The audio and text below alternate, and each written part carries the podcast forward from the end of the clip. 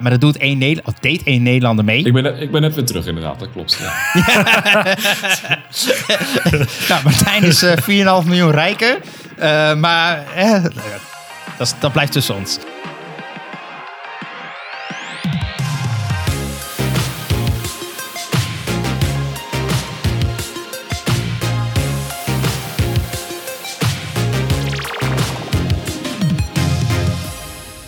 Welkom bij de Pixel Paranoia podcast. Mijn naam is Michelle en samen met mijn co-host Rick gaan we alles behandelen rondom UX, UI en frontend development. En we hebben een gast, namelijk Martijn. Eh, Martijn, welkom. Dankjewel. Eh, we gaan Martijn straks alles bevragen over Webflow. Want eh, ik had een berichtje gepost op LinkedIn van... hey, is er iemand die daar kennis van heeft? Want we hebben daar eigenlijk heel weinig aandacht aan besteed tot nu toe. En toen zei Martijn, wat toevallig ook een collega is van ons... van, eh, daar heb ik heel veel ervaring mee. Nou, awesome. Super. Ja, Inderdaad. dus, eh, dus daar gaan we straks eh, lekker eh, diep over, over kletsen. Maar laten we eerst naar een aside gaan. ja, ik ehm, kwam een artikel tegen over twee nieuwe CSS-properties, waar we het alles over gehad hebben, die ehm, eh, binnenkort beschikbaar komen in andere browsers, nu alleen nog in, in Chrome ehm, beschikbaar zijn. En dan heb ik het over Text Wrap Balance en Text Wrap Pretty. Ehm, twee dingen die superhandig gaan worden. Ehm, allereerst balance. Balance houdt in dat je, we hebben vaak wel, nou ja, weet je, je maakt een design en dan heb je een hele grote hero en dan zit, typ je dan mooi een titel in. En dan wil je eigenlijk dat die titel na een paar woorden eigenlijk mooi afbreekt en dan eh, dat de rest van de zin over de tweede regel gaat. Ja. Nou, als je dat gaat coden, dan, ja, want dan zet je er misschien een- een breedte op of zo.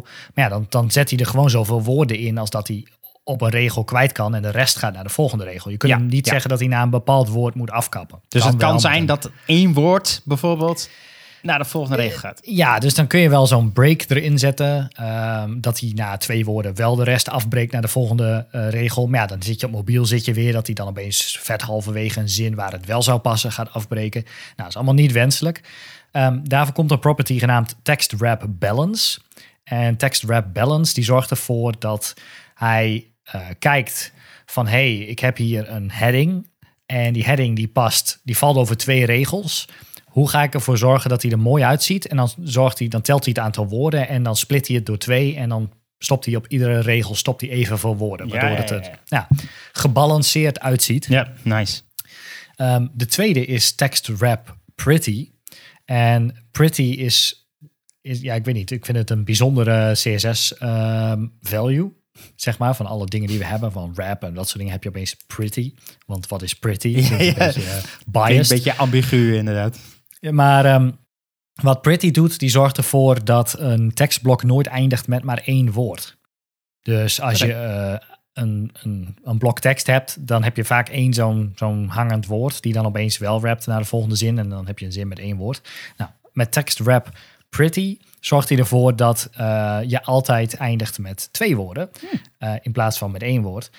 Maar goed, dacht ik, oké, maar wat is dan helemaal precies het verschil tussen de beide? Nou, text wrap balance, die dus eigenlijk voor headings bedoeld is, die werkt maar met blokken tekst tot zes regels. Oh, Ehm, dus je kunt niet op een heel groot, op een paragraaf zeggen, hey, doe dit, balance dit. Ja. Dat hij zeg maar, dat zou moeten gaan splitten over meerdere regels, omdat dat namelijk een te moeilijke calculatie wordt en schijnbaar niet waarvoor het bedoeld is. Dus text, text wrap balance is echt bedoeld voor headings en werkt maar tot zes regels.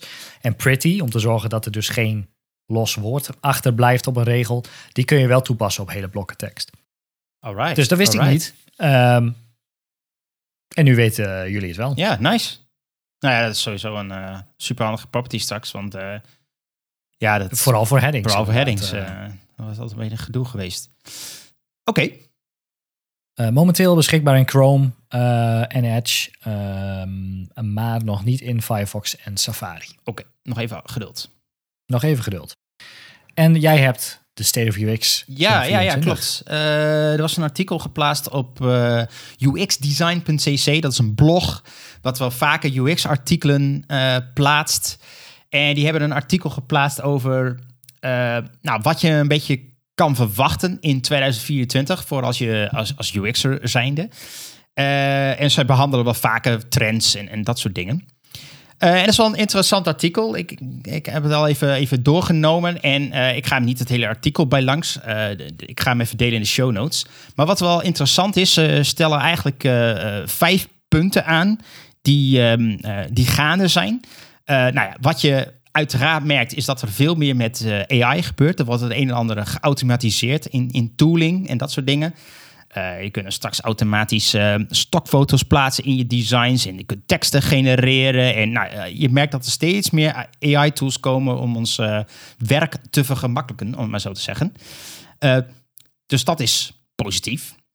Mm -hmm. wat wel nog steeds schade is, is dat er nog steeds heel veel designers zijn, maar wel een, een, een, er is een beetje een trend gaande. Vooral merk ik in, de, in Amerika, een beetje bij de, de big tech companies. Uh, daar zijn natuurlijk heel veel ontslagen rondes geweest.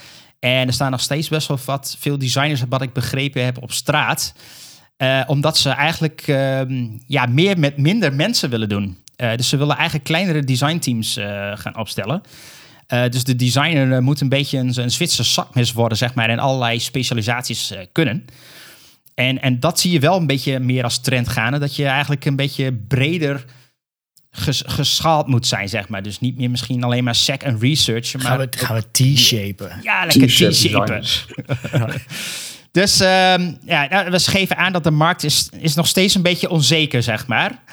Uh, en er komt, er komt straks ook nog een ander punt wat daar wel een beetje mee te maken heeft. Uh, of eigenlijk de volgende ook al.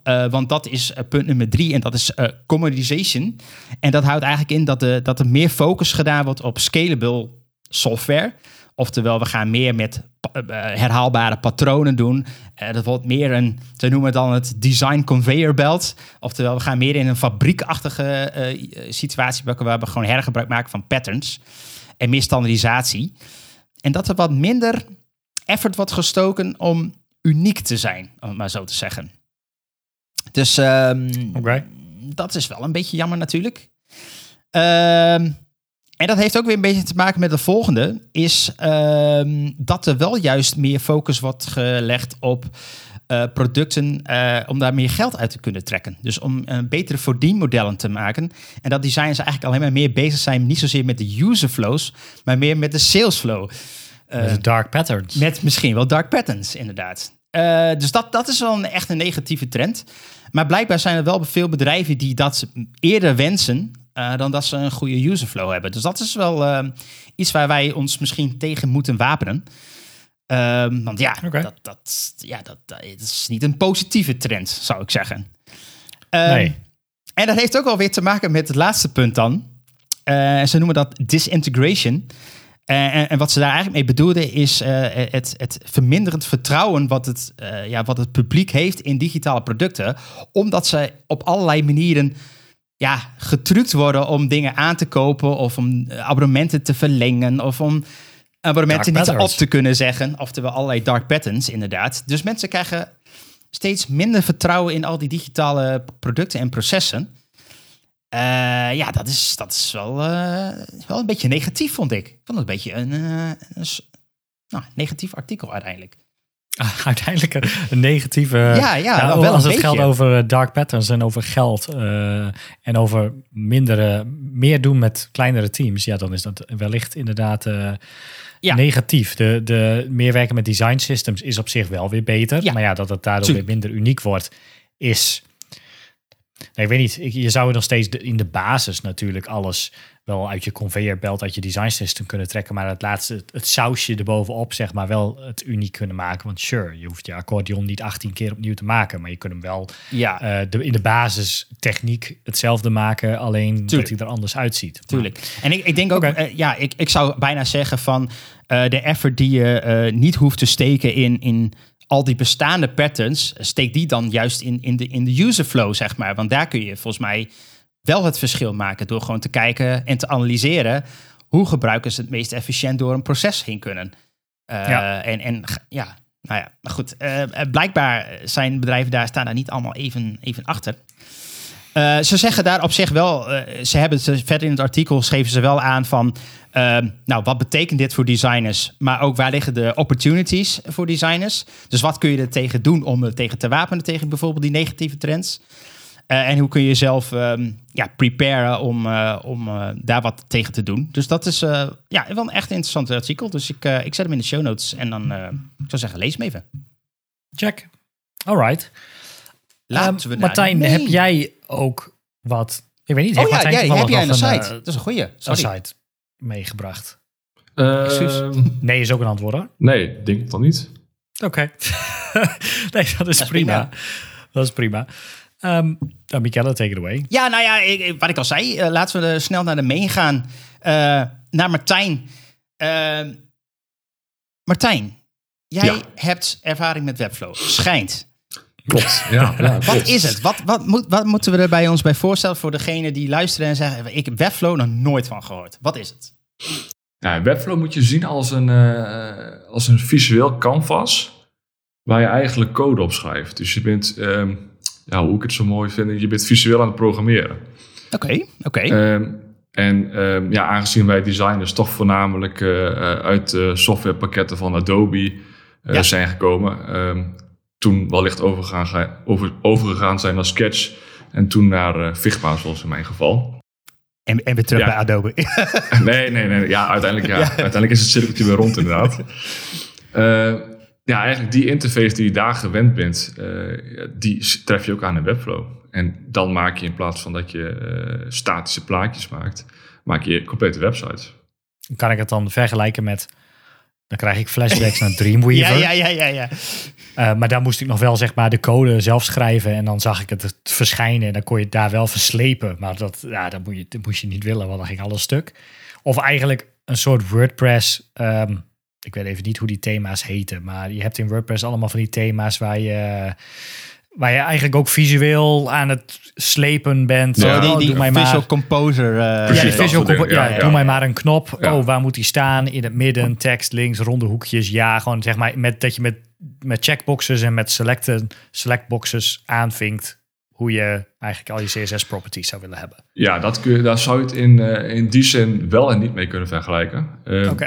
Wel dat het eh, visueel heel veel op elkaar lijkt. Eh, alleen het grote nadeel van Visual Composer bijvoorbeeld eh, is dat je daar eh, een voorgeschoteld iets krijgt waar je eigenlijk qua code niks aan kunt aanpassen. Dus je Nee. bent altijd gebonden aan die structuur, zeg maar. Ja. En Webflow die geeft je de mogelijkheid om eigenlijk dat van scratch af aan op te bouwen. Of om door middel van een component dat helemaal zelf te gaan aanpassen. Dus dat je eigenlijk de volledige controle over je code behoudt. Oké. En eh, dat zorgt er ook direct voor is dat je dus ook hele schone code krijgt. En dat je dus niet eh, eh, klasnaam op klasnaam of div in div gaat krijgen, zeg maar. Ja. Of door, in het geval van Visual Composer met allemaal losse libraries moet gaan werken. Ja. Ehm, Dus ja. eigenlijk is het een visuele interface voor het stylen van je CSS. Dus, of eigenlijk is het, het Figma, maar dan als je, nou, maar dan zie je Nee. dus je background color, je ziet je border radius Ja. en al dat soort dingen Ja. zoals je ze in Figma hebt. Maar dan- zo heb je hem ook in, in Webflow, maar dan creëer je gelijk een, een href, een button, een, een whatever. Ja, precies. Maar dan wel zeg maar de volledige controle daarover. Dus als ik die, eh, als ik die button bijvoorbeeld eh, anders wil opbouwen, dan kan dat ook. Je moet het eigenlijk zien als eh, de interface van Figma, waarin je visueel bezig bent. Mhm. Mhm. En dat visuele wordt dan eh, als output naar een static site eh, gemaakt, zeg maar. Alright. Alright. En hoe bepaal jij, zeg maar, eh, we hebben dan verschillende elementen. Hè? Eh, kijk, als wij een, een, een, Figma een design hebben gemaakt en we zouden dat zelf gaan HTML'en, dan gaan we bepalen, oh, dit, dit zou een kop zijn, dus een H1. Oh, dit moet in een hero zijn, dus ik ga hier een van de ding. Footer, wat een apart element. Hoe bepaal jij in Webflow wat voor type elementen of componenten het moeten worden, zeg maar? Nou, in Webflow werk je gewoon met de, eh, met gewoon de standaard HTML-elementen. Dus je hebt gewoon je paragraph, H1, je headings. Eh, je kunt sections aanmaken. In principe alle, alle standaard HTML, Ja. HTML5-attributen, Die heb je. eh, die gebruik je daar ook gewoon in. Ja. Oké. En moet je alles vanaf scratch af aan? Is het letterlijk zoals Figma dat je een rectangle tekent? Is het hier ook een kwestie van ik sleep er een section, een div in en dan zeg ik background color dit, border radius zo, hij moet zo hoog zijn of, of zoveel padding hebben. En dan kun je erin kun je vervolgens andere elementen slepen, dus een stel buttons en Ja. dat soort dingen. Ja, precies. Dat is wel eh, hoe het in basis werkt. Eh, natuurlijk zijn er heel veel workarounds eh, voor en zijn er heel veel slimme mensen mee bezig geweest om dat eh, ja, om dat veel verder uit te breiden door middel van complete libraries, zoals bijvoorbeeld een Tailwind. dat ja. switch is er ook voor, voor Webflow. Ja.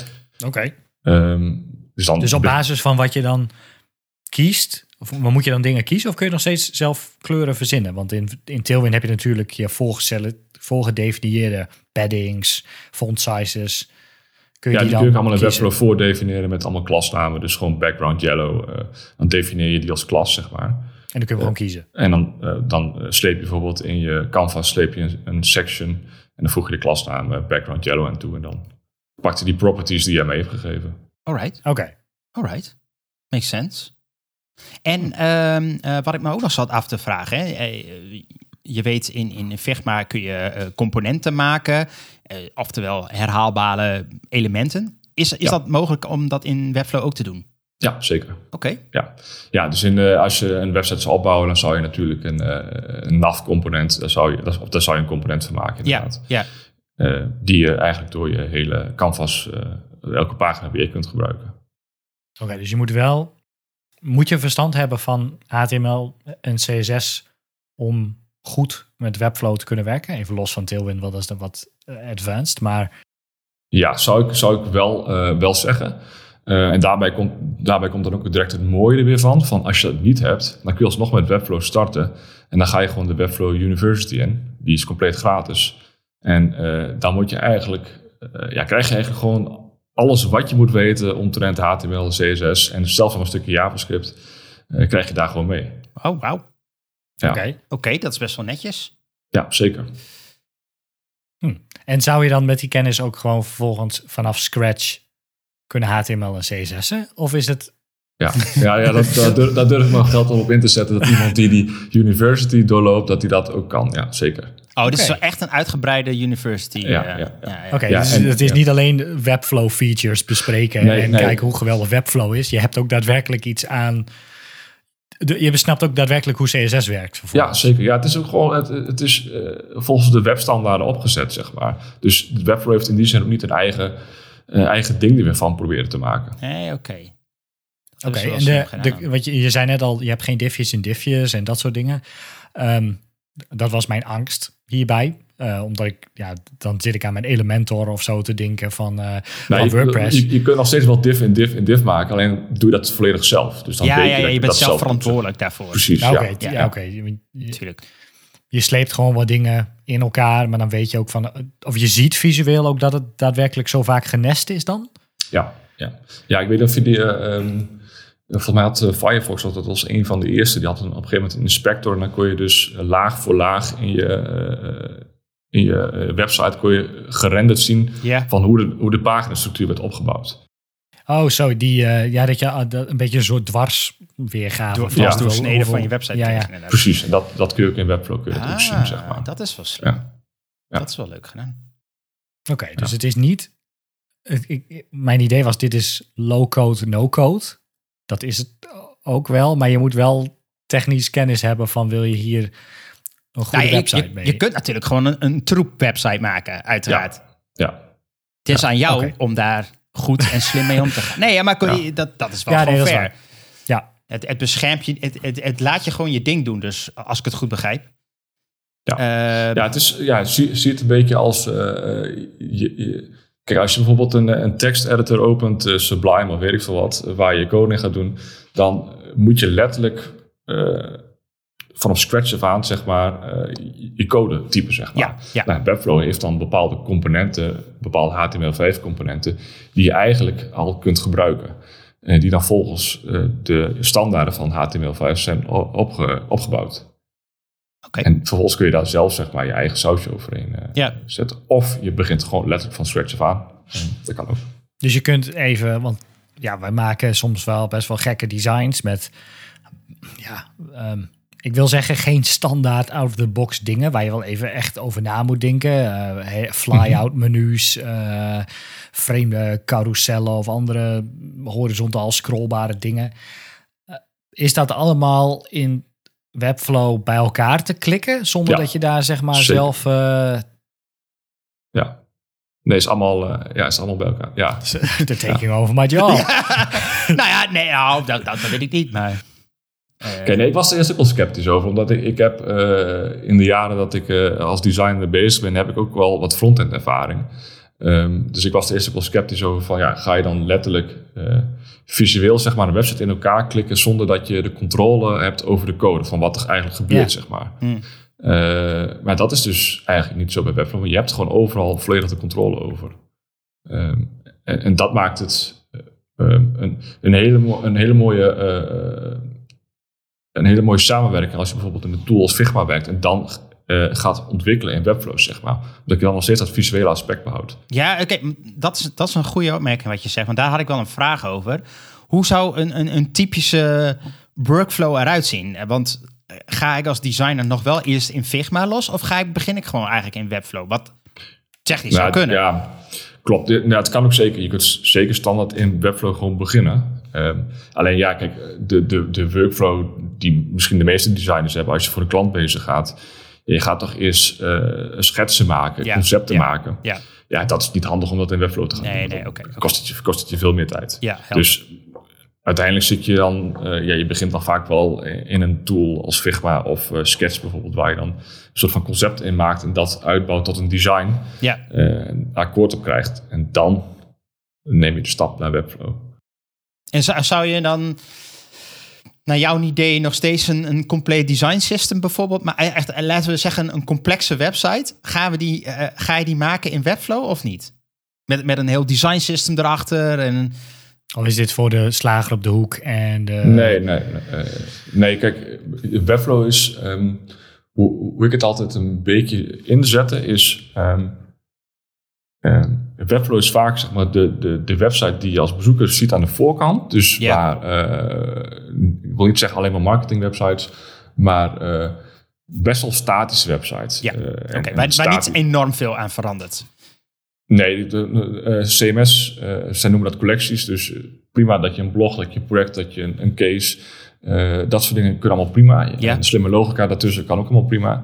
Maar ga je bijvoorbeeld een complete configurator bouwen, eh, waarin je iets gaat samenstellen. Dan zou ik zeggen, trek dat los van elkaar. Ja, En dat. Zo hebben we het ook altijd een beetje gezien. eh, Want dat werkt altijd super. Dat je gewoon de voorkant, de website, eh daar zorgen dat mensen binnenkomen. Eh, en uiteindelijk dan willen mensen bijvoorbeeld een product gaan samenstellen. Dan maken we daar een losse configurator voor, zeg maar. Juist. En die, je die dan hang je weer- dan nog steeds in je Webflow site? Precies. Nee, die kunnen, eh, vaak werd het dan bijvoorbeeld eh, in React ontwikkeld. Eh, en React en Webflow, dat kan, kan we met elkaar praten door middel van de REST API. Dus Oké. je kunt wel data die je zeg maar in een ander platform maakt, je wel weer terug laten komen in je, in je Webflow website. Dat- Ja, maar je embed dus eigenlijk je React-applicatie dan in, in, in Ja. jouw Webflow-pagina, whatever. ja, ja. Ja, dat zou kunnen. Of je gewoon door middel van de REST API dat je data ophaalt. Dat kan ook. Check. En je, je site blijft wel altijd bij Webflow staan. Het is niet zo van, nou, is Ja. klaar nu, druk op download, rol heel mooi HTML, CSS Nee, dat- uit. Dat was, eh, ja, dat kan nog steeds overigens wel. Alleen eh, is dat tegenwoordig best wel gelimiteerd wat je dan nog kan. Eh, een aantal jaar geleden kon het inderdaad nog wel. Dat je je website maakt in Webflow. En dan kon je kiezen van, hey, ik host mijn website bij Webflow. Met een aantal voordelen natuurlijk. Of ik druk op de knop download of zip. Ja. En dan krijg je gewoon een zip-bestandje met... Maar dat, dat is natuurlijk ergens een beetje hun, hun verdienmodel nu. ja, zeker. zeker. Ja. Ja, En ehm, toegankelijkheid-wise, zeg maar, want de manier waarop je HTML opzet, en dat, dat is dus echt, of de HTML semantisch is, en je zei net al, HTML5 elementen worden er gebruikt, maar los daarvan zijn er nog een aantal area roles, attributen, ehm, combinaties van, ja, van HTML-elementen die, die op een bepaalde manier samenwerken. Is dat ook iets, heb je daar ook allemaal invloed op? Kun je dat ook allemaal aanpassen? Ja. Ja, er zit een soort van eh, complete site audit in, die eigenlijk aangeeft bij het werk wat je maakt of je daaraan voldoet. Dus eh, je, kunt bijvoorbeeld, je kunt bijvoorbeeld prima H1, H3 doen. Mhm. Alleen zegt hij dan wel van nee, je bent de headings aan het overslaan. Ja, ja, oké. Oh, dat is wel cool. Oké. Ja. Maar ook dus focus styling kun je ook allemaal doen. Ja, en ja, ja, ja. Dat is ongein. Damn. Ja. Jeetje, ja. ze zijn echt verder Ja. ingegaan. Ik, ik, had, ik wist, ja, ik, ik wist uiteraard van het bestaan, maar ik wist niet van de diepte hoe ver ze zouden gaan, zeg maar, daarmee. Maar ze hebben echt wel, een, als ik dit zo hoor, een behoorlijk solide tool neergezet. Ja, klopt. Ja, ik, Ja, ik heb een ja. jaar of anderhalf, twee eens een keer een account aangemaakt, omdat ik op Instagram in de advertenties tussendoor echt helemaal werd doodgegooid met Webflow eh, advertenties somehow. Toen heb ik een account aangemaakt en ja, toen, je kon ook kiezen voor wat standaard templates. Ehm, kon je doorheen scrollen van, god, dit ziet eruit als een soort portfolio website, zo klik. En dan kon je volgens overal inderdaad klikken. Dan kon je de border areas kleuren, ja, ja, ja. Ja, kon, je ja. al- kon je alles een beetje aanpassen. En toen dacht ik, ja, ja oké, leuk. Maar ik, toen zag ik, althans toen heb ik niet dusdanig verdiept in het feit dat je dus die HTML, ehm, wat de HTML was die eruit rolde en dat je alles zover kon aanpassen. Hm. Maar dat klinkt wel, ja, klinkt wel heel erg fijn. Ik zou haast niet Ja. weten waarom je dat, waarom je dit dan, Niet zou gebruiken. waarom zou je dit dan niet gebruiken inderdaad? Vraag je Martijn. Ja. Ja, Nou ja, waarom je het niet zou gebruiken. Kijk, eh, ja, kijk, je bent natuurlijk afhankelijk van één platform waar je alles hebt staan. Ja. Ehm, ehm, en, en met meerdere mensen aan één project werken is nog steeds wel een uitdaging. Ehm, ze zijn nu wel bezig met een soort van versiebeheer. eh, wat dus ook naar Figma is gekomen. Dat je uiteindelijk eh, Oh zo, je zit Oh, natuurlijk, je, je één persoon logt in en die Ja. op die website, die heeft zijn bewerkinterface en dan ga je dingen tegen elkaar opslaan met andere. Ja, oké. Ja, dat, dat kan wel, want hij geeft al aan, bijvoorbeeld als ik inlog en jij zou bijvoorbeeld ook inloggen, dan geeft hij al aan van nou, eh, Martijn is aan het designen en Rick is aan het meekijken. Dat, Ja. dat doet hij wel. Maar als jij wilt designen, dan moet ik jou daar toegang tot Ah, Oké, dus Ja. we gaan niet elkaars werk over opslaan, zeg maar. Nee. Maar zou je los van elkaar pagina's, componenten kunnen uitwerken? Eh, iemand gaat met nieuws bezig, ander gaat met een FAQ bezig, ik noem maar wat. Of een contactpagina. Ehm, dat, dat- ja, je, kunt, ja, dat, je kunt wel naast elkaar eh, verschillende pagina's maken. Ik durf alleen niet te zeggen of je ook eh, in die pagina's dan eh, tegelijk aan een component kan werken. Ja, dat, lijkt me, dat lijkt me namelijk niet. Nee, oké, oké. En responsive website zal er dan ook allemaal waarschijnlijk gewoon in zitten. Ja, je hebt een. eh, ehm, ja, in je canvas kun je eigenlijk gewoon aangeven van hey, wil je mijn canvas wil ik dat eh, gaan aanpassen voor eh, mobiel, wil ik dat aanpassen voor tablet of wil ik dat aanpassen vanuit, eh vanuit, eh Oké, mobiel, dat zeg herken maar, ik dan wel weer van die, van die skeleton, weet ik veel, Elementor in eh, WordPress. Dan heb je ook in daar kun je op een button klikken. En dan zeg je volgens mobiel, tablet of desktop. En kun je zeggen, weet ik veel, dan wil ik opeens hele andere padding, dat Genereert hij dan media queries voor je? Of, of? Ja, ja. Ja. dingen. Die je zelf ook ergens hebt gedefinieerd. Eh, nee, die medequiz definieer je niet ergens. Eh, je hebt gewoon de mogelijkheid om te switchen tussen verschillende viewports. Eh, en er zijn drie standaard viewports, desktop, tablet en mobiel. Ja. En daartussen kun je nog een soort van eigen breakpoints viewports gaan instellen als je daarvan wilt afwijken. Ehm, En dat en, dan in, en dan in principe is het gewoon, als je een aanpassing doet op desktop, dan gaat het ook mee naar tablet en mobiel, zeg maar. En doe je dan op tablet een, a- een afwijking, dan gaat die dus eh, alleen maar door naar het lagere, dus alleen maar naar mobiel toe. Ja, ja, ja, oké. Oké, dan is dat dan is het niet mobile first. Ik zeg Nee, even- het is niet, het is niet mobile first inderdaad. Nee, klopt. Oké. Het is andersom. Ja, oké, oké. Ja, maar eh, daarbij wil ik dan even zeggen dat als je bijvoorbeeld via dus eh, een, eh, een soort van eh, library werkt, eh, waarin dus al een soort van design systeem zit ingebouwd, dan zijn al die klasnamen bijvoorbeeld voor een heading, heading style 1 bijvoorbeeld, die zijn dan wel geoptimaliseerd dat die bijvoorbeeld op desktop eh 4 RAM aanhoudt en op tablet 3 RAM en op mobiel 2 RAM. Ja, precies. Ja, dus, dat, dus dat is dan wel al ingesteld. Dat is dan al voor je gedaan. Dat is, de, Ja. dat is wel handig. En ehm, heb je ook gelijk toegang tot zeg maar de nieuwste, fanciest CSS-features waar ik het net over had? Want ja, als ik nu gewoon zelf ga CSS'en, dan kan ik zeggen: hey, doe die text wrap balance, ook al werkt die alleen maar in Chrome, doe me die maar. Ehm, heb je dat Mm, in Webflow ook? Want Ja, nou, kijk, niet, standaard in Webflow. Volgens mij is Webflow, eh die zit functionaliteiten die eigenlijk door iedere mo- moderne browser ondersteund worden. Dus heb je echt nieuwe functionaliteiten die echt bijvoorbeeld alleen maar in Chrome beschikbaar zijn, dan is dat niet standaard aanwezig in Webflow. Eh, maar je kunt daarnaast gewoon je eigen CSS schrijven. Dus je kunt dan gewoon een klasnaam eh, waar je dat op wilt toepassen, kun je gewoon gebruiken. ja, Ja, ja.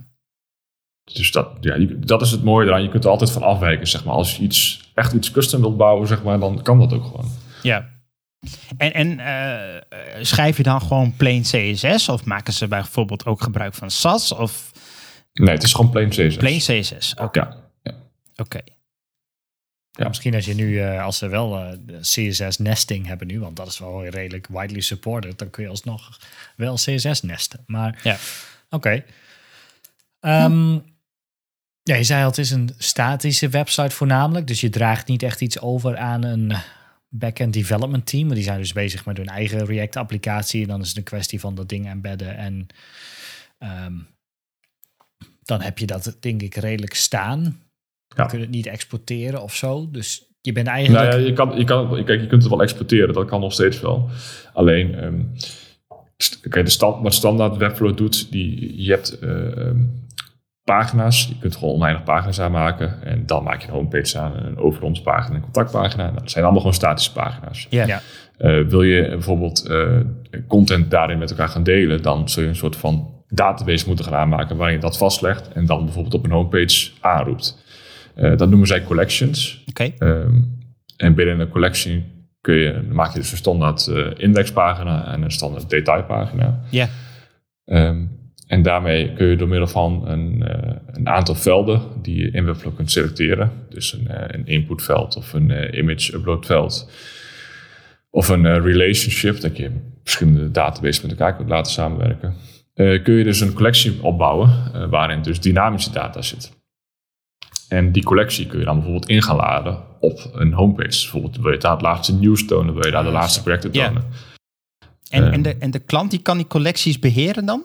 Ja, ja. Klinkt een beetje zeg maar als een soort eh, de 11 ehm collections die we nu gebruiken voor de Pixel Paranoia website. Alleen Oh, dan met een, met, met, met een visual interface zeg maar om die collections samen te stellen. Mhm. Ja. Fascinerend. En, en ehm, eh, eh, weet jij, wa- wa- wat genereert Webflow? Genereert hij nou eigenlijk gewoon statische pagina's? En is het daardoor behoorlijk rap? Of Ja, ja, wat ik zei, is gewoon, hij, hij genereert gewoon statische pagina's. Ja. dus, dus Ja. eigenlijk is, is zeg maar die collections, dat wordt niet live daar, in, in- die data wordt niet live geïnjecteerd in een, in een Nee, dat is al HTML-pagina en gerenderd, gerenderd. ja. Het wordt gewoon, het is al geprerenderd voor je en je- hij serveert alleen maar statische documenten. Ja. Dat is wel slim, dat is snel, altijd. Ja, dat is zeker heel snel inderdaad. Ja. Ja.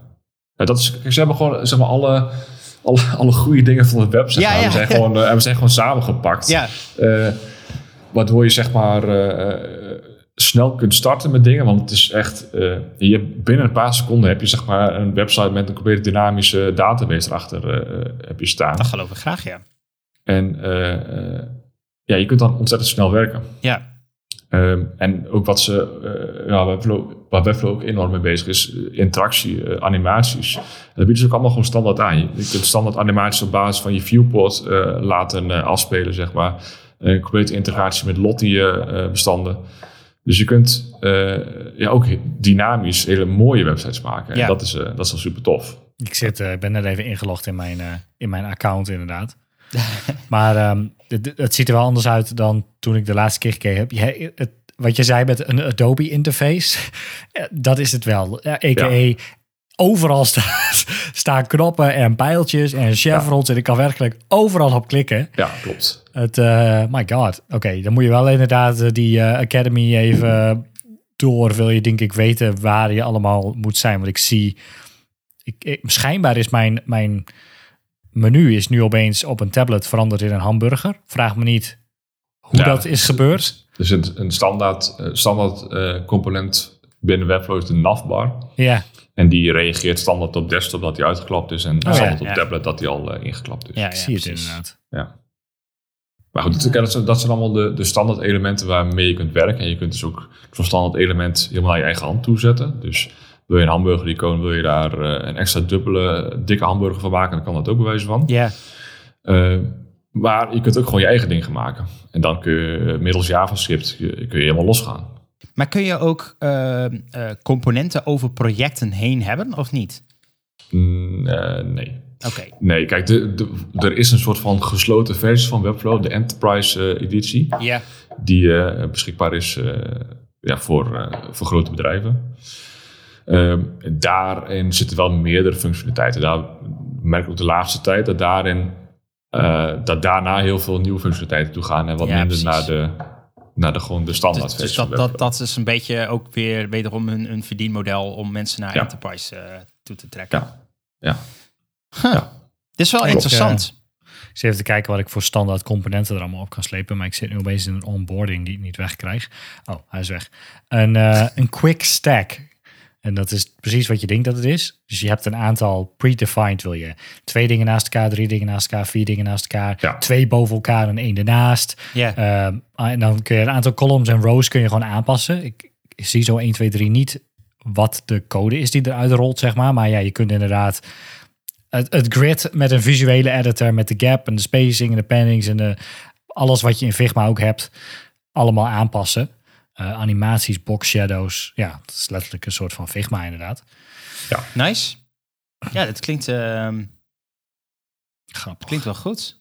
Toch? Ja, ik weet niet. Ik denk dat je ermee moet werken om te... ehm, ik heb nu niet het gevoel alsof ik in controle ben, zeg maar. Nee, nee, snap ik. Nee, nee dat, dat, dat vanuit het perspectief van een developer kan ik dat ook wel, wel snappen. Omdat je als developer zijn, dan ben je natuurlijk gewend dat je eh, eigenlijk overal controle over wilt hebben. En overal controle op kan, over kan hebben, zeg maar. Ja, ja. Ehm, Maar eh, ja, dat is, dat is misschien wel een, goede vervolgvraag. Voor, voor wie raad jij dit aan?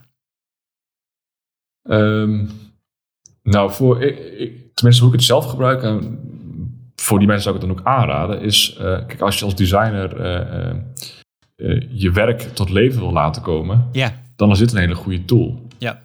Ehm, je gaat dan eigenlijk een beetje, eh, ja, ik noem het vaak wel een hybride designer, word je dan. Eh, je- zowel eh, visueel eh, kun je het uitwerken, maar je kunt het vervolgens ook nog eens technisch realiseren, waardoor je je eigen product tot leven kan brengen. Ja, Ehm, daarvoor zou ik het aanraden. En ook zeker voor, eh, voor bedrijven die ehm, eigenlijk best wel simpele websites maken. Eh, het hoeft er niet simpel uit te zien, hè, maar gewoon Nee, nee, zonder, ja, ja. eh, zon- zonder een hele eh, technische... ehm, backends heel- en, en complexe Precies. datastructuren en ja. Klopt, wat je de- zei, je, je marketing website, je statische website voor de, voor de, de, de, de, de kapper. Nou, de kapper heeft dan misschien nog wel weer een boekingsmodule, maar oké, de slager op de hoek en de bakker. Ja, maar En, kijk, bijvoorbeeld als je het voorbeeld van een kapper nemen. Eh, een kapper eh, die heeft vaak een extern platform waar hij zijn boekings in doet. Dat is Ja. niet via zijn eigen website dat hij dat doet. Dus dan Nee. kun je een hele toffe website maken. En dan voor het boeken eh, pak je dan gewoon een, een, een ander eh, SaaS-product weer. Ja, ja. En, en zou je, volgens mij kan dat, want ik, ik had al even op de website gekeken, maar je zou een heel e-commerce site kunnen neerzetten? Ja, zeker. Zelfs met een integratie met, met payment en alles erop en eraan? Of? Ja, ja eh, Webflow heeft een eh, complete e-commerce module. eh, waarbinnen je eigenlijk een soort van nou, webshop gewoon kunt opzetten. Eh, denk dan aan een, een, een categorie, productcategorieën, een product detailpagina natuurlijk. Ja, Een, een winkelmandje en dan een soort van checkout proces. Dat kun je koppelen met Stripe. Eh, nice. Alleen ja, de, het hele stomme daaraan is weer dat Stripe biedt natuurlijk standaard Ideal aan. Ja, Alleen niet binnen Webflow. Ja, dus eh, de, de, heel veel Nederlandse, Nederlandse gebruikers van Webflow die sturen eh, allemaal massaal eh, berichten naar Webflow van eh, wanneer wordt deze functionaliteit nou eindelijk eens toegevoegd. toegevoegd want Ja. het is gewoon, het werkt gewoon standaard in Stripe. ja, Maar blijkbaar heeft Webflow zoiets gezegd van Stripe in Webflow, dan doen we geen ideal. Hm, hm. weird. Weird, jammer. En ja, de- ze hebben dus een, een e-commerce module, dus dan kun je gewoon webshops opzetten. Ja, Eh, ze hebben nu een heel compleet membership eh, eh, platform. Dan kun je dus eh, bepaalde content afschermen voor eh, abonnees bijvoorbeeld. oké. Ehm, En zou, dan zou kun je zeg maar, eh, stel ik, ik wil een webshopje beginnen, zou ik dan mijn, mijn voorraad kunnen koppelen aan een Webflow website? ja, er zijn, Zijn er wat heel veel- integraties? ja, er zijn heel veel integraties waarmee je dat eh, kunt realiseren. Oké, oké. Ja. Nou, dat Ja, ik zie nice. dat ze trouwens ook ehm, UI-kits aanbieden binnen Webflow. Dus je kunt eh, eh, standaard landing page templates kopen, UI-kits met dus styling kan en klaar en componenten. Restaurant, e-commerce, agencies, dashboards. Ja, dat is allemaal een goed iets om te vermelden, want eh Webflow draait natuurlijk ook, heeft een enorm krachtige community. Ja, Ehm, dus in principe alles wat je maakt binnen Webflow, je krijgt standaard een, een Webflow domein. Dus dat werkt dan ook direct als je staging omgeving, zeg maar, Ja. je dingen kunt testen. Dan krijg je standaard van hun. En die is eigenlijk, uh, nou, tenzij je echt naar enterprise toe gaat of tenzij je echt in een hoger betaald model zit, is dat standaard gewoon publiekelijk toegankelijk. Oké. dus je kunt standaard ook je, je website die jij ontwerpt, daarvoor moet je trouwens wel toegang geven. Dan kun je zeggen dat die door iedereen gekloond kan worden. Dus je kan, oh. uh, iemand anders kan gewoon verder met jouw project. Of kan jouw project overnemen. Of, uh, dat is wel slim om die community heel snel uit te breiden met allerlei nieuwe templates en, en noem het maar op. Ja. Ja, ah, ja we krijgen ook, ook wellicht heel veel, zeg maar, allemaal voor die Stack, over, of, uh, stack Overflow, voor die CodePen dingen. Waar iedereen maar begonnen is met iets en na een kwartier gestopt is. Maar ja, okay, okay, dingen kunnen vast geüpload worden inderdaad, om te sorteren op, uh, op bruikbaarheid. maar dat is, wel, uh, dat is wel cool. Um, even kijken, wat hadden wij verder nog staan? Ja, Framer. Ja, Framer. Ja. Daar wilde ik heen. Ken je Framer? Ja, Framer ken ik. Oh. Ja, ik ken, ik ken het. En niet dat ik daar uh, zoveel ervaringen uh, mee heb als Webflow, maar ik ken het wel. Ja, want dat, dat, we hebben daar een keer een presentatie van gehad. Althans, ik heb er een keer een presentatie van gehad. Um, maar dat leek ook op, alleen dan meer gebaseerd op volgens mij React uh, yeah. was het destijds. Misschien inmiddels is het meer. Ook een soort visuele low-code, no-code um, design maar. En dan rolt er code uit. En dat ja. is ook bruikbaar. Klopt. Ja, dat framer is dan uh, eigenlijk uh, zie, uh, ziet als Figma en dan met, een met indruk op de knop zet je het om naar een live website, zeg maar. Dat ja. Alleen, ja, als je dan de, de, de verschillen een beetje zie, is dat Webflow dan um, dat toch heel erg open is, waardoor je zelf nog ook heel veel je eigen toevoeging kan doen. als je bijvoorbeeld van het standaard Webflow dingen wilt afwijken, dan is dat ook mogelijk. Ehm, en dat is in Framer volgens mij niet, uh, niet zo. Nee, Framer is wat meer gesloten in die zin.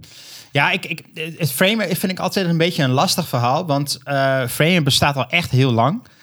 En in het begin was Framer een soort van animatietool eigenlijk. Daar kon je prototypes mee maken. Ja, nou, toen zijn ze een beetje omgekat naar een soort van... Sketch. Je kunt nu React nou, componenten is nog een design ding in. Toen werd het van, ah, nu is het, nu kun je de React dingen aan. Ja, ja, toen werd Framer het weer meer Studio. Een, uh, ja. ja, Framer X kreeg je ook nog. Oh ja, ook nog, ja. En, en uh, uh, nu zijn ze weer een beetje gespind richting, denk ik, Webflow.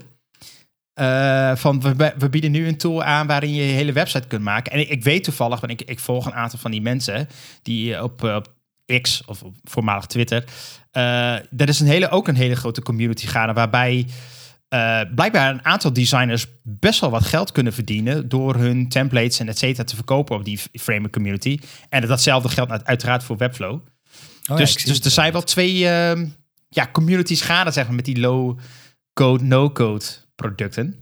Ja, ik denk dat, dat Framer voornamelijk nog uh, is voor als je zeg maar als, echt als designer ehm, nog niet zo heel veel afweet van HTML, CSS. Ja. Dat je dan sneller naar framers zou toe gaan, omdat je dan uh, een, een, een completere toolkit krijgt uh, zonder uh, na te hoeven denken over HTML en CSS. Ja, ja. En Webflow is wat geavanceerder, waardoor je dat meer in controle kunt hebben. Waardoor ja, je zelf... en en dus ook invloed hebt op het eindproduct, zeg maar, qua wat eruit komt. En dat, ik, ja, precies. Ik denk inderdaad dat, dat Framer dat minder biedt. Qua Framer ziet er qua interface inderdaad wat meer Figma-achtig uit. Om zeg maar niet Flexbox te benoemen, maar meer van: hey, wil je dat dit de volledige ruimte opvult? Of dat dit, weet je, die, uh, dat idee. Ja, ja. Uh, en de alignment en de wrap en, uh, en dat soort dingen. Het ziet er wel trouwens funky uit. Je hebt je, je linker sidebar die je in Figma ook hebt, waar je je artboards en zo hebt staan. Dat ziet er in een framer zo te zien uit alsof het je website structuur is. Ja. Dus je, je pages, die zijn ook daadwerkelijk slash, nou, over ons, slash contact, slash ja, ja, ja. Grappig. Ja, daar onderin zie je de componenten als lagen als componenten. Op zich wel... Ik vind, ik vind de structuur wel, wel, wel oké, als ik dit zo zie. Het lijkt wel, weet je... Ze hebben wel echt gekeken naar Figma, volgens mij. Dat je, je artboard zijn de pages en daarop staan de componenten. Dat zijn de lagen, zeg maar. Ja. ja, ja. De, internet is your canvas. Nou. Ja. Maar um, ja, jou, jij bent positief als ik jou zo hoor. Wat, wat is, jouw, wat is jouw, jouw soort van eindconclusie over deze tool? Webflow uh, dan even in nou, ja, ja, ik denk uh, een, een tool die, uh, die heel snel naar een live product kan toegaan. Yeah. zonder daarvan eigenlijk de kracht eh, van developers eh, in toe verschakelen. Ja, Ehm, ja, dat is ook een, een van die speerpunten. Je kunt gewoon ontzettend snel live met, eh, met dingen. En, en, en is dit wat jou betreft de toekomst? Gaan we, moeten we hier meer mee doen als designers? Nee, ja, als designers denk ik wel. Eh, gaat het het werk overnemen van developers, denk ik niet. Kijk, ik denk dat de, de uitdagingen binnen ons vakgebied eh, gewoon steeds, eh, steeds moeilijker worden. Dus wil je de, eh, ja, de expertise die je daarvoor nodig bent, die moet je bij developers laten liggen, zodat die zeg maar echt de, de, de moeilijkere vraagstukken kunnen oplossen. Eh, en de, de, de minder moeilijke vraagstukken, die kunnen eh, designers dan gaan oppakken. Eh, als we het hebben over websites en webapplicaties. Want Webflow is natuurlijk nog maar een tool die ja, zich richt op, op websites. Maar er zijn ook heel veel tools, net als Webflow, die zich compleet al richten op applicaties. Ja, ja. Ja, nee, klopt. Dat is waar. Ik, ik, zit, ik zit een beetje, beetje na te denken van... Zou, zouden... eh, nou, wat jij zelf ook al een beetje aangaf. Ik zie, ik zie op zich wel een combinatie voor me... dat, dat een, een deel van die website wordt al ontwikkeld door, door de designer. Laten we zeggen de, het marketing, het business gedeelte van een website, zeg maar. En eigenlijk alle eh, de complexe stukken, de, bijvoorbeeld een, een configuratietool, een, een weet ik veel, een, of, of het moet iets met een custom database of CRM gekoppeld worden, dat je dat dan eh, nog wel gaat bouwen, custom, maar daar wel op een of andere manier aan elkaar gaat linken. Ik denk dat je op die manier best wel veel tijd kunt besparen, als ik dat zo een beetje... Ja, maar toch denk ik wel dat, je, dat, het, dat het voornamelijk de wat simpelere websites zijn. Ik denk niet dat je hier de website van NS, Arriva, eh, Schiphol eh, in zou gaan bouwen. Denk nee, ik. nou, Martijn? ja. Ehm, ja, vind ik lastig. Kijk, als je met dat soort platformen kijkt, dan is natuurlijk eh, ja, heel veel dingen eh, is, zijn dynamisch. Ja. Ja. Eh, als je kijkt naar het, het bloggedeelte van NS bijvoorbeeld, ja, dat is niet super Nee, dynamisch natuurlijk. Nee, dat zou prima daarin kunnen. Precies, ja. Maar als je bijvoorbeeld kijkt naar, eh, naar Bunk bijvoorbeeld, eh, die gebruikt ook Webflow. Een website is ook gewoon Webflow. Ja. Maar dat is dan weer gericht als marketingwebsite. Ja, ja, ja, precies. En, en als je dan inlogt in Oh, mijn omgeving... Mijn, mijn, ba- mijn bank-app is, is geen Webflow-omgeving, alleen de marketing-website. ja. Maar als je in mijn omgeving, eh, dat zou je dan dus wel weer door je development team kunnen laten doen. precies. En je ja. marketing website eh, eh, laat je gewoon direct door de designers doen. Ik, ik, ik zie hier wel voordelen aan. Ja, en als je dan zeg maar eh, in, in een soort van, eh, bijvoorbeeld bij Bunk, als je dan een in-house team hebt. eh, en een team wat dan bestaat uit designers en een aantal eh marketing specialisten. En je zet die in één team en je laat die allemaal in Webflow werken. Dan kun je natuurlijk super snel schakelen. Want het is Zeker. letterlijk een aanpassing doen. En je ramt op de knop publish en het staat gewoon live. Ja, Ik, ik, als, eh, hoe jij dit zo zegt, ik weet dat er hier heel veel, ehm, eh, laten we zeggen, eh, de businesskant van, van veel bedrijven hier heel gelukkig van worden. Omdat Ja. ze dan veel sneller kunnen schakelen. En niet je, eh, je hebt geen developers moeten Nee, precies. Ik wil zeggen, je hebt geen development team. Als je kijkt naar die Bunk-website, ja, dat is, dat is een statische website. Zo te zien, ja, dat is niet heel, Ja. eigenlijk niet heel spannend. Nee, klopt. Nee. Nee, zo gauw je dan zeg maar in die mijn omgeving komt, kijk, dan wordt het, eh, dan wordt het een stuk eh, lastiger natuurlijk. Dat Ja. wil je niet in Webflow doen. Nee, nee. Eh, maar daarvoor kun je dan weer je kracht van de developers inzetten. Ja, Dat die, laat, die dat ontwikkelen. En dan laten eh, de, de, de voorkant, zeg maar, waar echt consumenten of andere mensen op binnenkomen, zeg maar.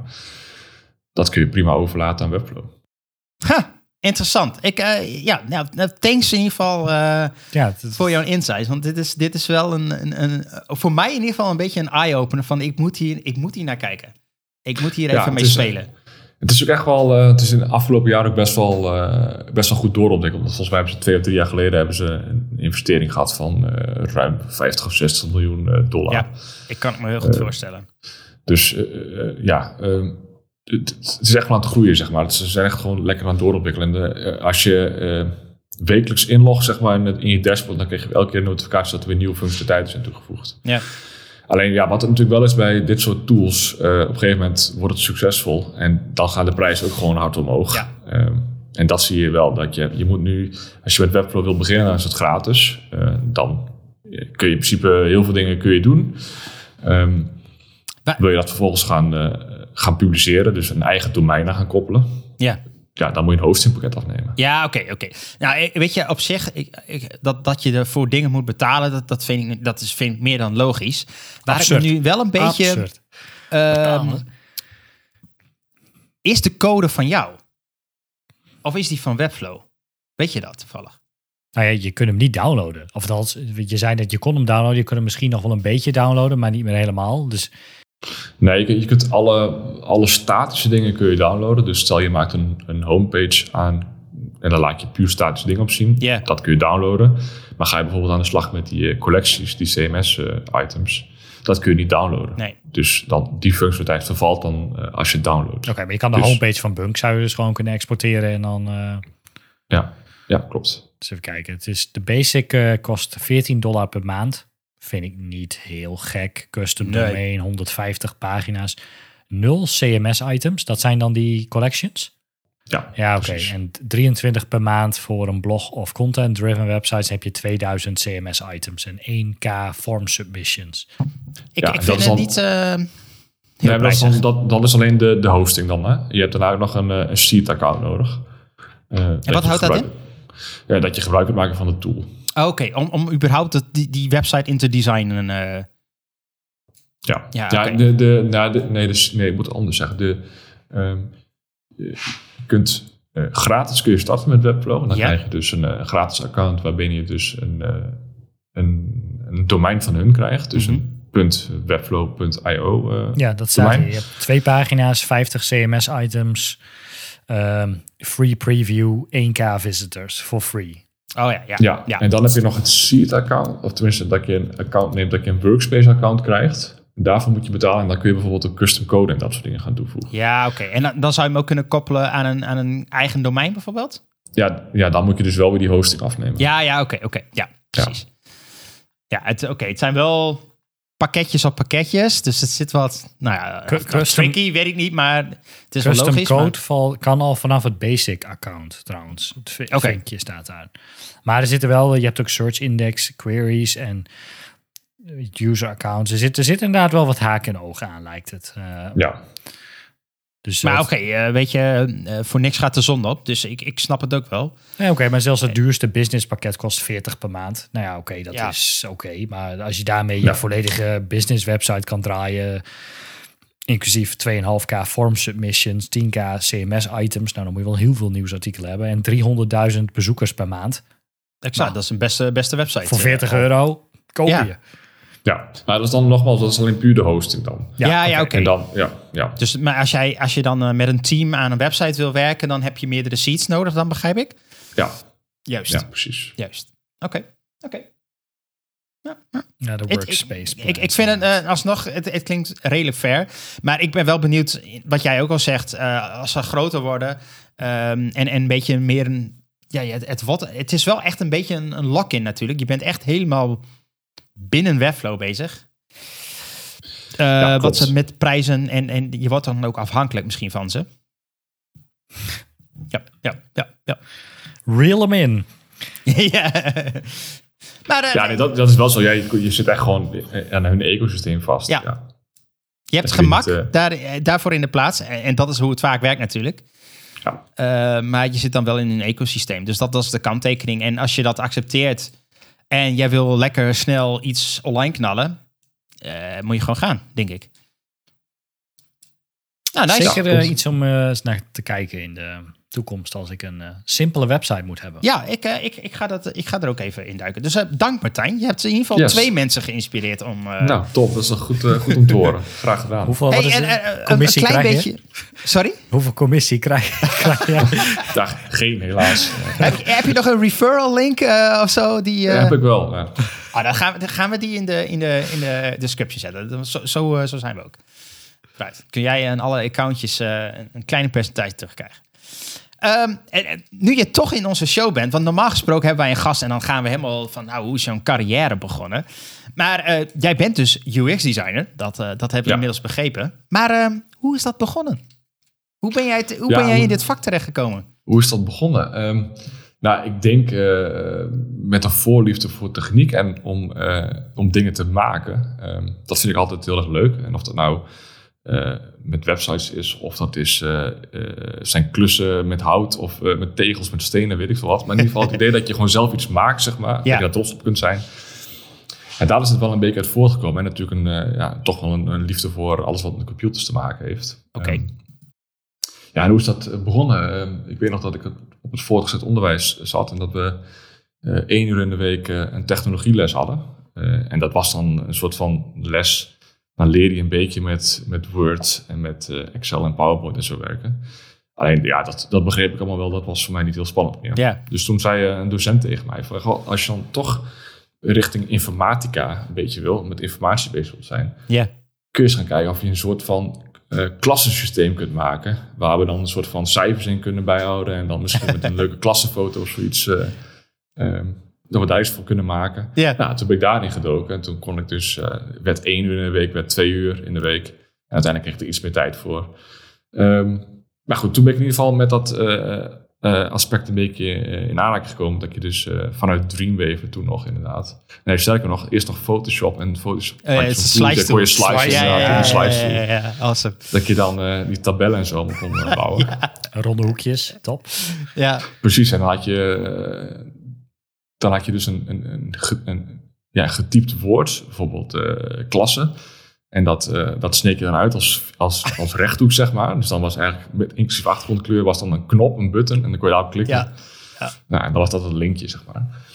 Ehm, Magische nou, tijden waren dat. Precies. Ehm, maar goed, dat vond ik wel heel tof om te doen. Ehm, dat je gewoon iets, iets bedenkt en iets gaat bouwen, zeg maar, waar, Ja. en waar mensen dan vervolgens interactie mee hebben. Ja. Dus eh, toen ben ik een opleiding gaan doen, eh, multimedia design en development. Ja, Dat ja een dat beetje, wie had dat verwacht? Echt, precies. dat is ongelooflijk. Dus dat ik een beetje die, eh, die combinatie eh, had. Alleen toen kwam er ook wel vrij snel achter dat het ook nog, nou, ik denk bij de meeste mensen zo is, dat het een vrij jonge opleiding was. Ja. Dat docenten eh, behoorlijk achterliepen en dat het eh merendeel, eh, ja, dat ik dat zelf al moest gaan onderzoeken. En heel breed, brede opleiding. Tenminste, Ja. wat iedereen bijna zegt is, is heel breed. de jack of all trades, master of none. Precies, heel veel, eh, heel veel offline dingen, print eh, dingen gemaakt, Ja. eh, films gemaakt. Dope Flash. Flash inderdaad nog gemaakt, ActionScript 2, ActionScript 3. yeah. Dat was, was allemaal. destijds gewoon al deprecated, maar Precies, kregen we gewoon nog lessen in, Ja. inderdaad. ja. Nee, dus ja, die opleiding gevolgd. Nou, toen in de opleiding ook wel heel snel achtergekomen van... ehm, ja, op school leer ik er niet zo heel veel. Ehm, en ik had al best wel een, een, een lijstje met bedrijven die ik tof vond. Dat ik denk van, ach, als ik ooit nog eens de kans krijg... dan wil ik daar wel eens eh, wat gaan doen, zeg maar. Want dat lijkt me wel interessant. Ja. En eh, eh, toen ben ik gewoon eh, brieven gaan sturen naar dat soort bedrijven of mailtjes toen. Ja. Met van, goh, ik ben Martijn, ik kan dit en dit. Ja. Ik wil graag wat meer leren. Kan ik een keer bij jullie langskomen? Nou, en vaak klikte dat eigenlijk wel goed. En kreeg ik een soort van stageplek aangeboden. Nice. Ehm, nou, en eh, op die manier eh, ja, ben ik steeds verder gegaan in hetgene wat je ontwerpt. Dat je dat ook kunt ontwikkelen. Dat je dat ook eh, ja, tot, een, tot leven kunt laten komen. Ja. Dus op een gegeven moment draaide ik gewoon mee in, in development teams. Dan was ik dingen aan het ontwerpen en vervolgens aan het bouwen, zeg maar. Nice, nice. Ehm, maar ik heb altijd wel het idee gehad dat het eh, ehm, dat iets simpel moet zijn. Het moet simpel werken, zeg maar. Ehm, dus ik vind het zelf vervelend als ik eh, ergens onnodig vaak op moet klikken of dat dingen niet duidelijk zijn, Ja, zeg maar. ja. Ehm, dus toen ben ik een beetje eh, gegaan naar... eh, God, hoe, hoe, hoe verhouden die patronen tot elkaar zich, zeg maar? Als ik daarop klik, wat wordt er dan van mij verwacht, van het systeem verwacht, zeg Ja, maar? ja. Dus toen een beetje in de, in de wereld van UX gedoken. En eh, ja, eerst was, eerst was dat nog gewoon puur dat we mooie plaatjes maakten. En dat, op een gegeven moment kwamen we erachter van, nee, die plaatjes, eh, die vinden mensen ook heel mooi. Ja, Alleen, eh, ja, het, het werkt niet altijd even lekker. Hoe kunnen we dat toch een beetje gaan aanpassen? Nou, en toen dus in die wereld gerold van, eh, nou, laten we dan eerst gaan kijken waar onze gebruiker eh, eh, behoefte aan heeft. Eh, en dat eh, te proberen eh, zo goed mogelijk voor die gebruiker te maken. En dat tussentijds te monitoren, dat we testen daarop los kunnen laten. En dat we ook echt feedback van die gebruiker gaan krijgen. Ehm, ja, en toen eigenlijk in de rol eh, van een UX-designer gerold. Nice. Ehm, waarmee ik eigenlijk nog wel heel veel eh, soms wel lastig vind, omdat ik ook eh, mezelf in principe als visual designer, want ik vind het ook leuk om visueel heel erg goed bezig te zijn. Ja, ja. Dus ja, de, de term UX is dan misschien eh, binnen het werkveld wat meer geaccepteerd. Ja, ja. Ehm, ik, ik, het is breder inzetbaar. ja, ja, ik snap je. Dus jij bent de T-shape designer. Ja, eigenlijk wel, ja. ja, ja. We got him. Daar is hij dan. Daar is Ja. hij dan. De Ja. T-shape designer. En als je nog eh, video's wil maken in Premiere Pro, kan ook allemaal. Oh, nou, kijk aan. Oh, kijk aan. En nog een Nee, beetje code. Nou ja, wat wil je Precies. nog meer? Ja, neem altijd gewoon een, ja, en dan gewoon de voorliefde gehad voor mooie dingen maken. Ik Ja. bedoel, eh, het, het is het, het, hetzelfde. Ik hou ook heel erg van koken. En eh, de, de manier van presenteren, zeg maar, dat bepaalt voor mij of het lekker is of niet lekker is. Ja.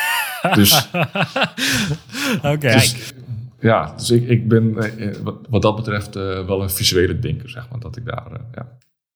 Nice, nice. Nou, leuk, leuk, leuk verhaal om te weten. En stel, jij was geen UX'er geworden. Wat, wat had je dan gedaan? Wat, wat was je dan gaan doen? Was je dan een kok geworden? Of Nee, ja, nee ik, ik moet zeggen dat ik het... Eh, Stukken door. nee, Zoals stukken Ja, door ja. hebben we in de vorige aflevering? ik- als we alle collega's dat bij elkaar zetten, dan kunnen we gewoon een, eh, een allround klusbedrijf Ja. Nee, eh, ja, ik weet, niet wat, ik weet niet zo goed wat ik zou zijn geworden. Ik vind ehm, heel veel dingen vind ik heel leuk.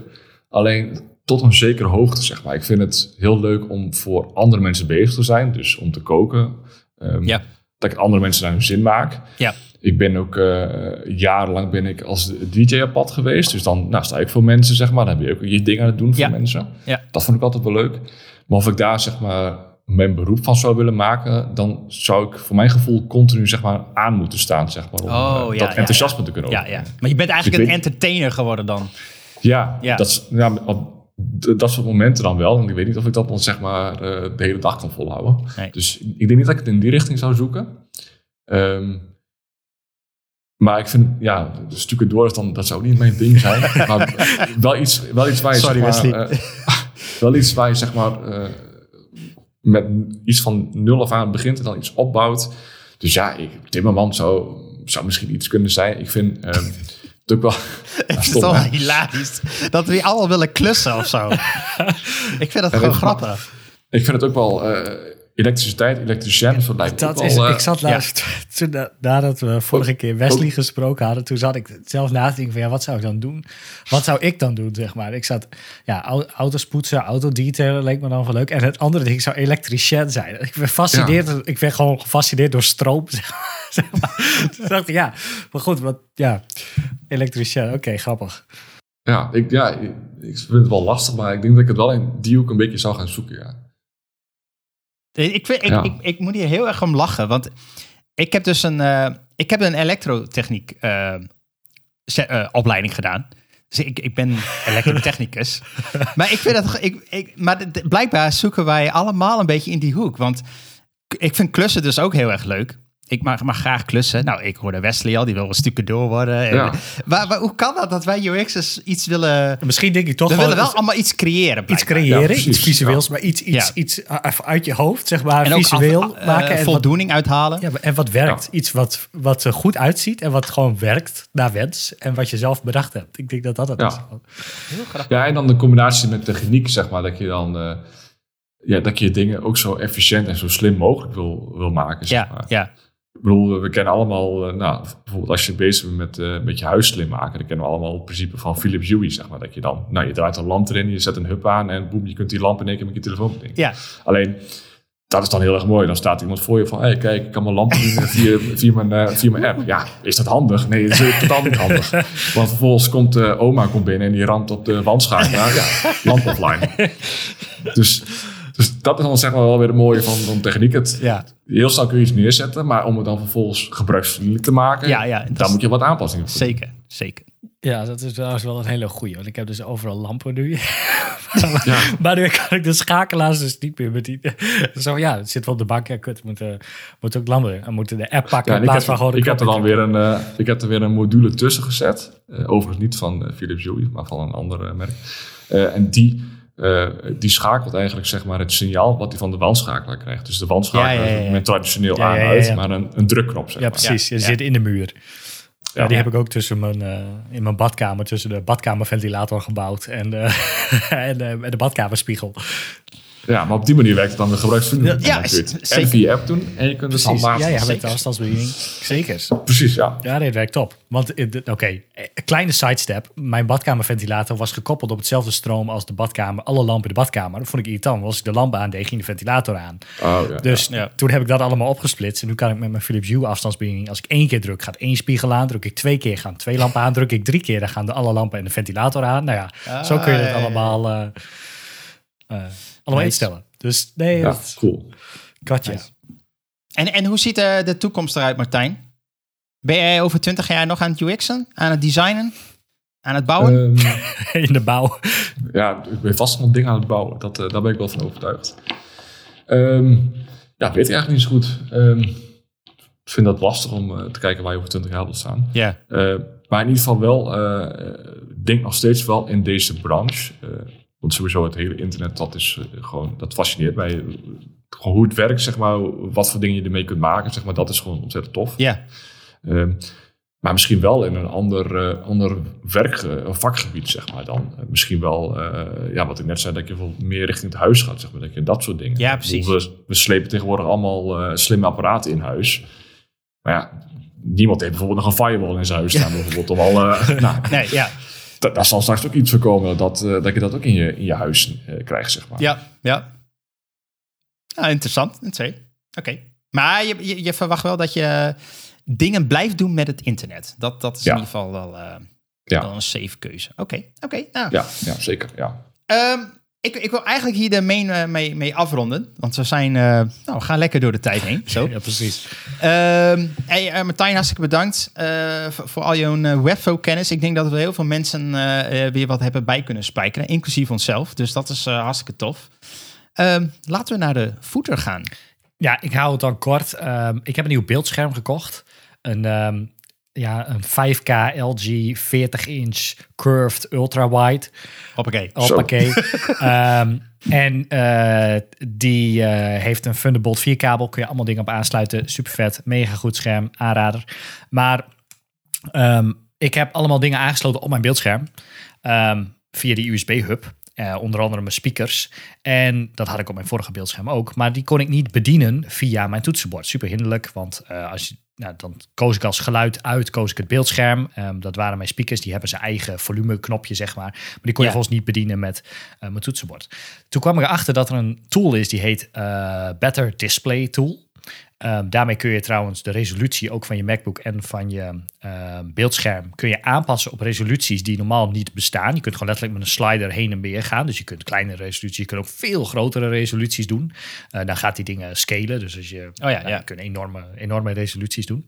Maar je kunt ook eh, met die tool, ehm, schijnbaar heeft je beeldscherm een soort van API en die geeft alles van je beeldscherm door. Dus je kunt het zelfs de brightness van je beeldscherm, van je externe beeldscherm, met je toetsenbord regelen. Net als dat je dat op je MacBook kan met de eh, brightness tool. Maar je kunt ook het volume harder en zachter zetten. Je kunt de input sources aanpassen. Je kunt ehm, in mijn geval de HDR aan en uitzetten. Ehm, je kunt eigenlijk alles van je beeldscherm, wat je normaal met dat knopje onder op je beeldscherm of aan de Ja, ja, zijkant ja. moet regelen, kun je met die tool doen. Ehm super handig. Awesome. Ik vind hem top. Echt aanrader. Eh, better display tool. Dus als je een extern beeldscherm hebt en je hebt dat ding aangesloten of je wil de resolutie hoger, lager aanpassen, anders dan wat je Mac aangeeft, kun je dat met die, tool- met die tool doen. Tof. Awesome. Alright. Dat was hem. Martijn, heb jij iets voor in de footer toevallig? Ja, dat heb ik wel. Ehm, Yes. En dat gaat ook wel een beetje over Webflow. Ehm, nee, als je, als je zeg maar ook eh, eh, nou, enthousiast bent geworden over Webflow en je wil zeg maar eh, daarover praten met andere mensen, dan is er dus een heuse no-code Webflow Slack groep. Oké. Ehm, waar heel veel Nederlanders in zitten. Ehm dat is best wel een grote community aan het worden. En daarmee kun je lekker, lekker praten over, over dingen die in Webflow worden gemaakt. Of eigenlijk no-code breed, zeg maar. nice. Ehm, Dan kun je vra- Ja, dus vragen dat, eh, stellen, helpen ze je op pad. eh, ja, zeker. Ja, er worden ook heel veel, heel veel dingen in gedeeld. eh, dingen die andere mensen maken, waar je dan weer van kunt leren. Eh, er worden vragen ingesteld. Eh, er worden nieuwe functionaliteiten ingedeeld. eh, in combinatie met bijvoorbeeld andere platformen. Hoe je nou die samenwerking, eh, hoe dingen met elkaar kunt laten samenwerken. Oké. Dus dat is wel, eh, eh, wel interessant eh, om, ja, als je daarmee aan de slag wil, dat je daar... Nice. Als je, als je mij de link geeft, dan, dan zet ik hem in de description. En dan kunnen mensen daar, daar joinen. Als je interesse Ga ik doen. Awesome. Ja, ga ik doen. Dankjewel. Ehm ja, ik heb ook weer, uiteraard, weer een Netflix-show. Voor de zoveelste keer. Niks anders dan. Niks anders dan dag. Netflixen. Nee, maar dat heb, dit hebben mensen eh, vast gezien. Want het is volgens mij nummer één zo'n beetje eh, op dit moment eh, best bekeken show op Netflix. Maar er is nu de real life of the real time Squid Game The Challenge show is, is, eh, eh, is live. Ehm, dat, die hadden ze al volgens mij een jaar geleden, of misschien al twee jaar, nee, ik denk een jaar geleden al aangekondigd dat ze die zouden maken. Nou, die, die is nu eh, eh, tot en met. Nee, sorry, tot de finale staat nu alles eh, online. Dus de finale volgens mij nog niet, of misschien vandaag wel. Ik weet het niet. Of morgen? Nee, ik weet het niet. Ehm, ja, ik heb hem al gekeken. Hij is erg leuk. Ik vind het echt, echt wel entertaining om naar te kijken. Spannend. Ook best wel. Er zitten wel wat nasty, leuke dingetjes in. Eh, en ik vind dat wat ik heel tof vind, is ze hebben die sets van de serie dus echt gewoon goed nagemaakt. Het is bijna gewoon eh, een exacte kopie, eh, zou ik bijna willen zeggen. Eh, maar dan met, met echte mensen dus. Ja, ze worden niet echt afgeschoten. Helaas niet. Dat Oh. niet. maar nee, inderdaad. Ja, dit is, de set is precies hetzelfde. Net zoveel mensen, ook zo'n ding waar geld in komt. Ze moeten gewoon die challenges, zelfde challenges doen, plus wat extra, ehm, extra dingetjes. En ja, iedereen probeert elkaar er een beetje bij te naaien en eh, voor de bus te gooien. Ja. Ehm, om maar uiteindelijk als enige over te blijven om met dat geld er vandoor te gaan. Dus, eh, Het is eigenlijk een beetje een eh, nieuwe variant op eh Takeshi's uh, Castle. Ik had dat. Ja, dat is een goeie. die Daar heet het wel van inderdaad. Ja, Ja. dat is heel fout. Echt heel fout. Ja, ja. maar wat, wat ik wel een beetje jammer vind trouwens. Ehm, eh, iemand zegt in het begin van, nou, ik vond het zo gaaf dat ik hier eh, allerlei mensen over de hele wereld ontmoet. Nou, dat mag je wel met een beetje korrel zout nemen, vind ik. Want over het algemeen, volgens mij gewoon 90% is Amerikaans. Ehm, ik weet het toevallig, en dat stond, was bij ons in het nieuws uiteraard, maar dat doet één Nederlander, deed één Nederlander mee. Spoiler. Eh, is dat een spoiler? hij deed. Want Of je ziet hem helemaal mee. niet. Hij, oh, hij doet Ja, mee. Ja, hij doet mee. Ik, ben net, ik Ja. ben net weer terug inderdaad, dat klopt. Ja. nou, Martijn is eh 4,5 miljoen rijker. Eh, maar eh, Webflow. dat, eh, dat blijft tussen ons.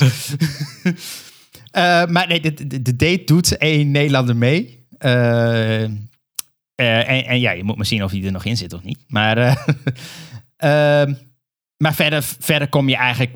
Ik, ik, ik, ik heb bijna geen andere mensen gezien, Amerikanen eerlijk gezegd. In ieder geval niet die eh, in beeld komen of in interviews. eh, dus nou, dat vind ik wel een beetje jammer, moet ik eerlijk zeggen. Ik had verwacht dat het echt eh, breder zou zijn. Maar wel aanrader. Ja. Je, je kijkt het zo weg. er zijn, ja, je kijkt het zo weg. Je zo, moet wel, het, is- moet- zijn wel lange afleveringen, Precies. maar het, het kijkt makkelijk weg. Het is entertainend, zeg maar. Eens. Alright, Nou, dat was hem alweer voor deze keer. Eh, mocht je deze aflevering nou horen en je denkt van... hé, hey, verrek, hier wil ik meer van weten, hier wil ik meer over horen. Dat kan. Eh, subscribe je dan in jouw eh, favoriete podcast-app. Dat is overal waar je naar podcast kan luisteren, daar zijn wij aanwezig. Eh, mocht je een keer, net als Martijn, bij ons in de show komen, dat mag ook.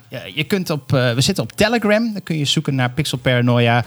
Of via LinkedIn, of je gaat naar onze website pixelparanoia.com. Dan staat ons e-mailadres daar wel. Ehm, en dan wil ik zeggen, tot de volgende keer maar weer. Tot de volgende keer. Jo, tot de hoi, hoi.